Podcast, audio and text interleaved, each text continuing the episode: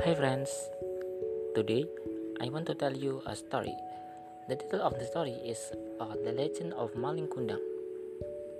This story is from West Sumatra. Please enjoy.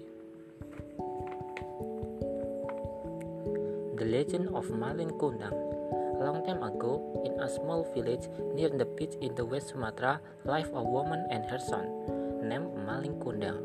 Malin Kundang, his father has passed away when he was a baby, and he had to live hard with his mother. Malin Kundang was a healthy, diligent, and strong child. He usually went to sea to catch fish and brought it to his mother or sold it in the town. One day, Malin Kundang was sailing as usual. He saw merchant a ship which was being raided by a small band of pirates. With a brave and power, Malin Kundang defeated the pirates. The merchant was so happy and asked Malin Kundang to sail with him. Malin Kundang agreed.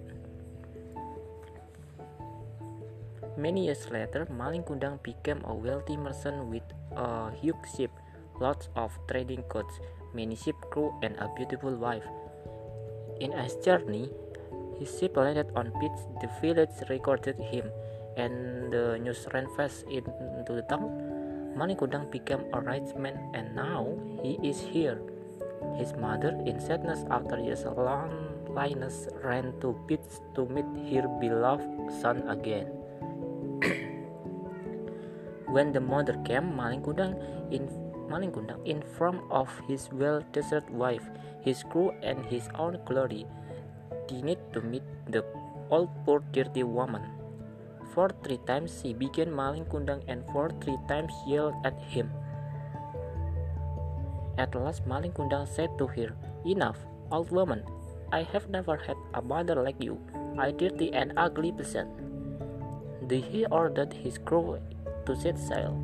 A dangerous sea cursed to Maling Kundang that he would turn into a stone if he did not apologize. Maling Kundang just laughed and set sail. In the quiet seas, suddenly a thunderstorm came. He, his hug ship was wrecked and it was too late for Malin Kundang to apologize. He was torn by the wave out his ship fell on a small island and suddenly turned into stone. That's my story. Thank you so much for your attention. See you next time.